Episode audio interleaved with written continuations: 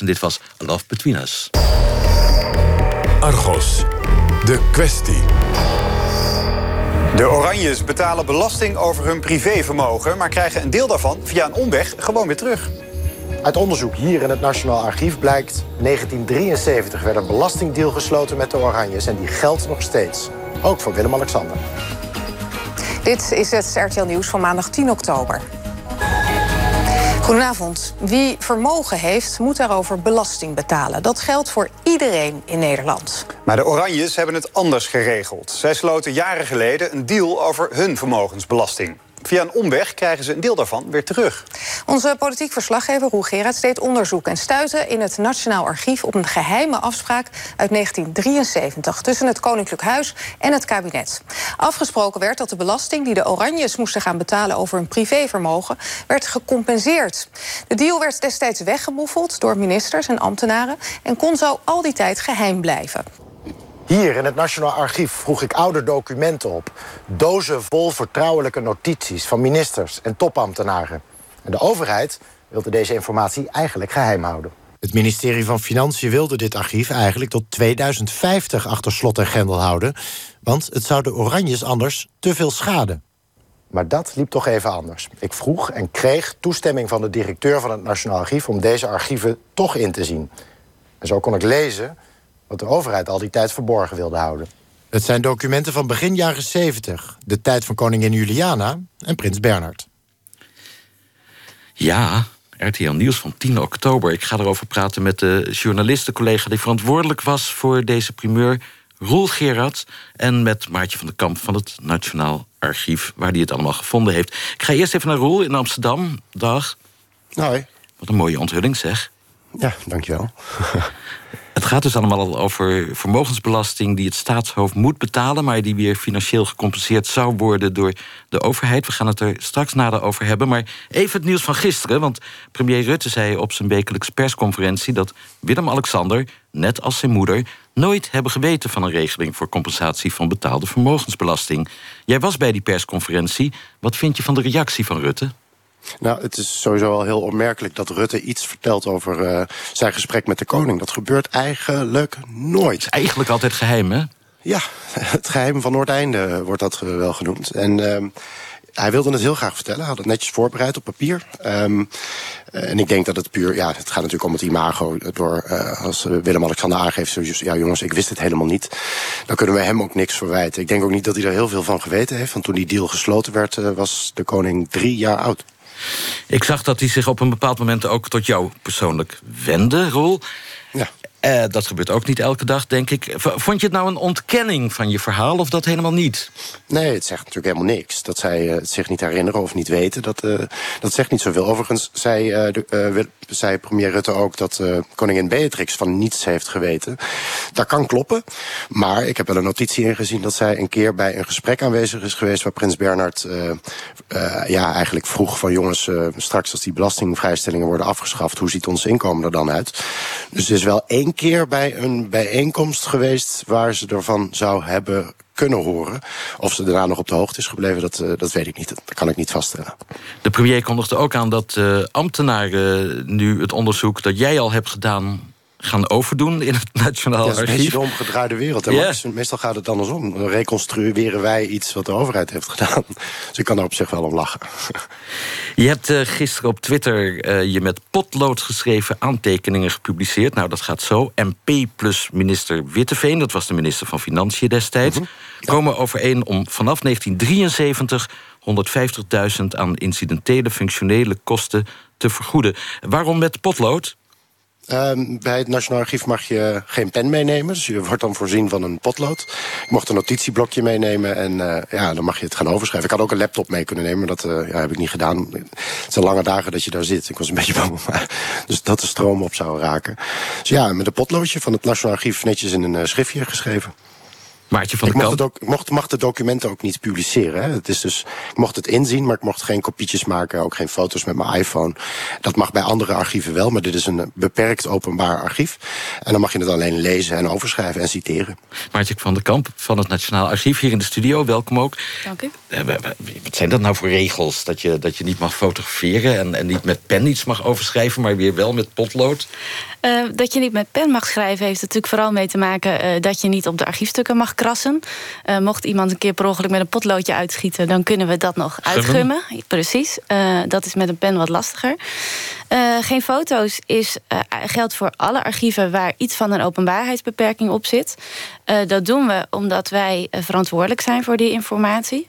En op het moment dat iemand een foto maakt of een kopietje, dan kunnen we dat natuurlijk helemaal niet meer controleren. Dan kan iemand dat overal wel online zetten. En er geldt nog altijd een openbaarheidsbeperking. Dus ja, dan zijn wij heel streng. Dan mogen er geen kopieën worden gemaakt. Maar het mag wel ingezien worden voor onderzoek. Eh, Roel had het daarnet over eh, de term beperkt openbaar. Wat, wat is dat precies? Eh, mij lijkt dat iets openbaar is of niet openbaar, maar dat zie ik te simpel kennelijk. Nou ja, dat is inderdaad soms wat ingewikkeld uit te leggen. Onder de archiefwet, die eh, echt een openbaarheidswet is... die zegt, nou, na zoveel jaar moeten die archieven worden overgedragen... en openbaar zijn. Zijn er een paar uitzonderingen eh, waarbij je toch zou kunnen zeggen... nou ja, om die reden kan het nog niet helemaal openbaar... Ehm, maar wij willen niet dat iets bij ons ligt en dat niemand dat dan kan gebruiken voor onderzoek. Dus hebben we iets dat heet beperkt openbaar. En dat betekent dat onder bepaalde voorwaarden eh, sommige stukken toch ingezien kunnen worden eh, door onderzoekers. Eh, wat natuurlijk vooral voor wetenschappelijk onderzoek van groot belang Ja, want dat is. is Roel toch niet? Roel is journalist, een hele goede journalist, maar geen wetenschapper of academicus. Nee, wij. eh, ehm, ik, ik zou een, een prijs willen uitdelen aan iemand die goed zou kunnen onderzeggen. wat is nou wetenschappelijk onderzoek? Dat kunnen wij natuurlijk ook niet altijd zeggen. We zijn er ook voor de rechtszoekende burger. En we zijn er ook voor het controleren van de democratie. En daar hoort de pers natuurlijk wel bij. We komen straks weer op het mm, eh, punt terug waar eh Roel Geert het Nationaal Archief in ging en u en uw collega's leerden kennen. Maar Roel, eerst even een andere vraag. Want ja, het gaat dus om een beslissing van de toenmalige minister-president en de toenmalige minister van Financiën, Witteveen. Waarom ga je dan naar het Nationaal Archief? Waarom probeer je het niet eerst bij de ministeries van Algemene Zaken en Financiën? Nou, dat heb ik gedaan eigenlijk. Kijk, hoe dit uh, gegaan is, is ik, ik kwam terug uit het Midden-Oosten. Ik was correspondent daar geweest. En ik vroeg me eigenlijk gewoon af, uh, is er nog wat gebeurd op het uh, dossier Kosten Koninklijk Huis? Dat soort journalistieke hobby van me. Die heb ik al eens eerder, nou, daar ben ik wel eens eerder mee bezig geweest toen ik nog gewoon een Nederlands journalist was. En zo kwam ik op een ministerieel besluit van het ministerie van Financiën... waarin stond, ja, we hebben deze archieven zojuist, of in 2010, overgedragen aan het Nationaal Archief. En mijn vraag was eigenlijk heel simpel aan het ministerie van Financiën. Joh, wat is dat voor een archief? Wat staat erin? En hoe kan ik dit archief inzien? Moet ik een, een, een WOP-verzoek, een, een beroep doen op de wet openbaarheid van bestuur? Ja, financiën, het waren een paar hele simpele vragen, maar ik kreeg een absurd kort en uh, niks zeggend antwoord. En dat irriteerde me echt mateloos. En ondertussen had ik contact met het Nationaal Archief. En ik vroeg, wat betekent dat dan uh, beperkt openbaar? Het Nationaal Archief wist nog te vertellen dat ze zich konden herinneren... dat er veel over gecommuniceerd was over dit archief. Met de ministeries? Ja, want het ministerie wilde eigenlijk het hele archief tot 2050 uh, geheim houden. Dan, nou ja, dan gaat er 75 jaar geheimhouding over. Dan is het een soort staatsgeheim archief geworden. Dat triggerde mij alleen maar nog meer. Toen dacht ik, nee, ik wil heel graag weten wat er in die archieven zit. Ik ben een argwanend uh, mens, dus ik dacht, wat hebben ze dan te verbergen? Ik wist helemaal niet precies wat erin stond. Ik wist alleen dat het uh, ging over de totstandkoming van de wet Financieel Statuut voor het Koninklijk Huis.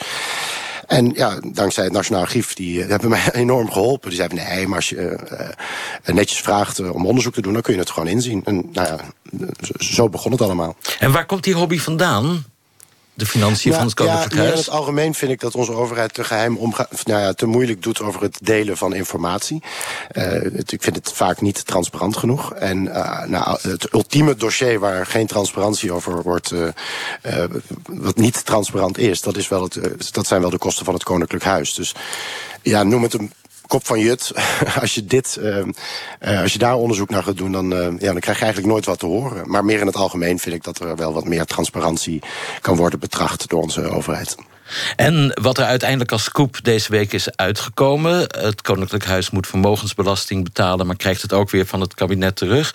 Uh, dat, dat wist je helemaal niet. Daar was je eigenlijk niet op uit. Nee, ik, ik wist helemaal niet, niet ik, uh, wat er in die archieven zou staan. En toen ik begon met lezen kwam ik eerst allerlei andere verhalen tegen... waarvan ik dacht van, god, dit is allemaal raar. En dan nou ja, was ik bij het allerlaatste document ongeveer. En toen dacht ik, oh nee, het is toch allemaal wel netjes geregeld. En tussen, ja, uh, het is een heel rommelig archief. Hè. Het is niet alsof er een mapje tussen zit met belastingdeal voor de koning. Oh, het is helemaal geen geordend archief bij het Nationaal nee, Archief. Het is echt het is een enorme puinzooi eigenlijk. Dus je moet document voor document uh, gaan lezen. En her en der kwam ik deze documenten tegen... die ik allemaal vrij letterlijk heb geciteerd in mijn verhaal. En als je al die citaten zo, toen ik die allemaal op, op een rijtje had staan... toen dacht ik, ja, maar hier is iets heel geks gebeurd. Maartje van der Kamp, de adviseur openheid van het Nationaal Archief in Den Haag. Het is een enorm zootje bij jullie. ik denk niet dat het echt specifiek een zootje is bij ons. Um, archieven worden gevormd door ministeries. En die gaan, zijn bezig met een onderwerp. En zo'n ambtenaar stopt alle stukken waarvan hij of zij denkt... dat dat de stukken van belang zijn bij elkaar in een dossier. En dat dossier wordt afgesloten en uiteindelijk naar ons overgebracht. En wij doen daar dan ook niks meer mee. Wij zetten dat alleen maar in de kast voor onderzoekers. Dus als zo'n ministerie er een uh, puinhoop van maakt... dan blijft het bij jullie een puinhoop? Uh, wij gaan dat niet op volgorde leggen, want de volgorde die er in zo'n dossier zit, zegt, natuurlijk ook iets over hoe er is gewerkt in die tijd. Dus wat iemand belangrijk vond, uh, of wat de volgorde was, of wat nog is gebruikt, of misschien staat er nog een aantekening op, dat maakt het juist zo interessant. Het ligt aan de ministeriesrol, de rommeligheid, niet aan het archief.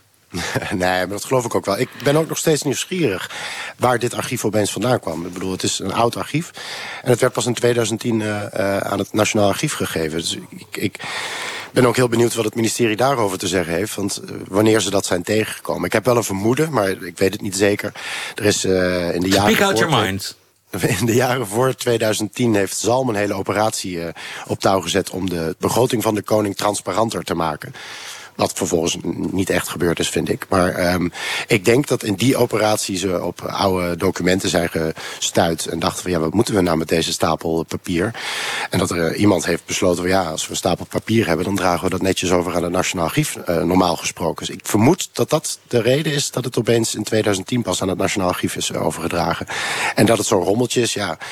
Ik, ik, heb, ik ben zo benieuwd ook waar dat archief al die tijd heeft gelegen. En welke la het heeft liggen verstoffen daar op het ministerie van Financiën. Nou hebben ze heel veel ladekasten. Vast. maar Maartje van het Kamp, ik heb, ik heb ook even zitten rekenen. Volgens mij zijn de regels dat ministeries na twintig jaar... Uh, uh, hun materiaal mogen overdragen aan het Nationaal Archief... maar na 30 jaar moeten ze het. Dit ging om het kabinet de Jong, denk ik. Zat er tussen 1967 en 1971. Dus ze hebben het pas 40 jaar na dato overgedragen. Hebben jullie je ooit afgevraagd wat daarachter zat? Uh, nou, tot 1995 was die overbrengingstermijn 50 jaar. Uh, toen is het verkort naar 20 tot maximaal 30 jaar. Nou, je kunt je misschien wel voorstellen dat er toen wat achterstanden zijn ontstaan. Uh, bij alle ministeries, niet alleen bij financiën. Uh, dus dat er archieven uit die tot in de jaren 70 doorlopen, uiteindelijk in 2010 zijn overgebracht, is niet bijzonder laat. Dus wat dat betreft is dat niet ongewoon. En zou het kunnen zijn wat Roel uh, Gerards denkt... Van dat minister Zalm ooit dacht van even schoon schip maken... meer transparantie? Dat weet ik natuurlijk niet. Ik weet alleen dat die uh, dossiers wel onderdeel uitmaken van een archief... wat ook wel enige samenhang uh, vertoont. Dus dat gewoon een, meestal worden archieven van een bepaalde directie... of over een bepaald onderwerp samengebracht en zo naar ons overgebracht. Hoe lang hebben jullie erover gedaan om te besluiten... Roel Gerards en RTL Nieuws toestemming te geven? Want u zei daarnet al, het gaat eigenlijk om wetenschappelijk onderzoek. Journalistiek onderzoek kan ook als wetenschappelijk onderzoek nou, worden het is, niet, het is niet alleen wetenschappelijk onderzoek. We hebben wij, uh, elke, elk jaar op dit moment krijgen wij wel meer dan 2000 verzoeken om inzage in beperkt openbaar archief. En dat is ook gewoon van particulieren. Uh, en daar hebben wij dus ook gewoon vaste procedures voor. Dat zou ook niet anders kunnen als je zoveel uh, verzoeken binnenkrijgt.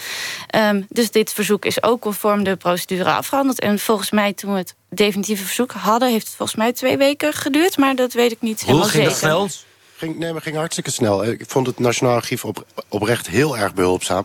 Ze zeiden van ja, je moet een onderzoeksopdracht formuleren. Volgens mij was mijn onderzoeksopdracht... hoi, ik ben Roel, ik wil heel graag deze archieven bestuderen... voor een mogelijke publicatie in het RTL Nieuws. En twee weken later zeiden ze van nou, kom maar langs. Gaat het zo makkelijk? Eh, is dat nou, de onderzoeksopdracht? Er stond, Ha, ik ben gelukkig, Roel. eh, stond gelukkig nog net iets meer in. Ik weet niet Oh, of ik dus- er... ik zal er niet helemaal... Roel Ik, verdrongen. ik heb het Het niet was uit mijn ongeveer de strekking van het verzoek, geloof ik. Nou, ik denk voor ons was het wel van belang dat daarin stond van nou, het gaat eh, mij als onderzoeker niet om eh, persoonlijke informatie. Eh, ik, ben, ik heb echt een Dat is waar, onderwerp. ja. Ik ben op zoek naar eh, stukken over hoe het belastinggeld in Nederland eh, wordt besteed. Toen dachten we, nou, dat is mooi, want is daar leuk. zijn we toch voor. Wij zijn er eh, als instelling zodat de burger de overheid kan controleren. Dus dit is nou precies het onderzoek er waar we voor staan. Er zit in dat Oh. archief nog wel het een en ander aan persoonlijke eh, informatie over de Oranjes, kan ik je verzekeren. Ik bedoel, het is, ik vond het niet zo relevant, maar ik heb echt declaraties gezien van de periode voor deze afspraken. En dan zag je hoe eh, Juliana en Wilhelmina en Bernard hun belasting aan het eh, declareren waren. Dat is een documentje uit 1951. Vrij grappig om te zien. Het, ging om aandelen, de winst over aandelen van Shell, toen nog Nederlandse aardoliemaatschappij geheten, geloof ik. Nederlandse olie. En ABN AMRO, in ieder geval de voorgangers van ABN AMRO. Fascine, echt eh, fascinerend om te zien. Ik zat daar wel van te smullen.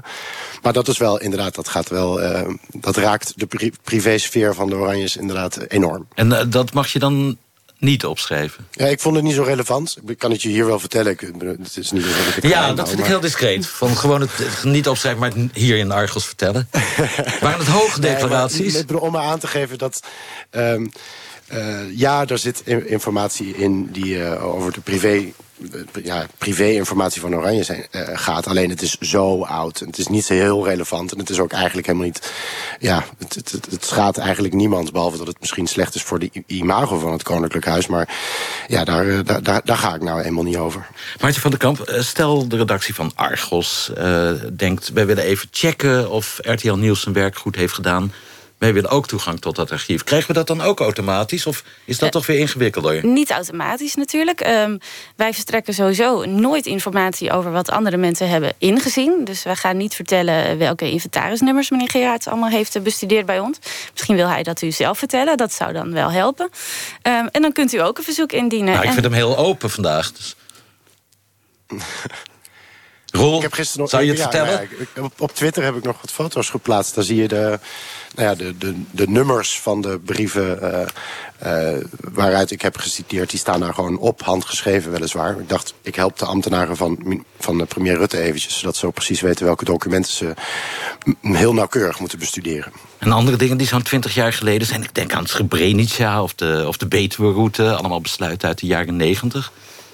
Kunnen we Eh, daar al achter komen via het Nationaal Archief? Nou, dingen die besloten zijn in, het, eh, eh, in de Tweede Kamer bijvoorbeeld, die kun je, of in de ministerraad, die zitten in de ministerraadsnotulen. Ehm, die zijn over het algemeen na 25 jaar bij ons vrij raadpleegbaar.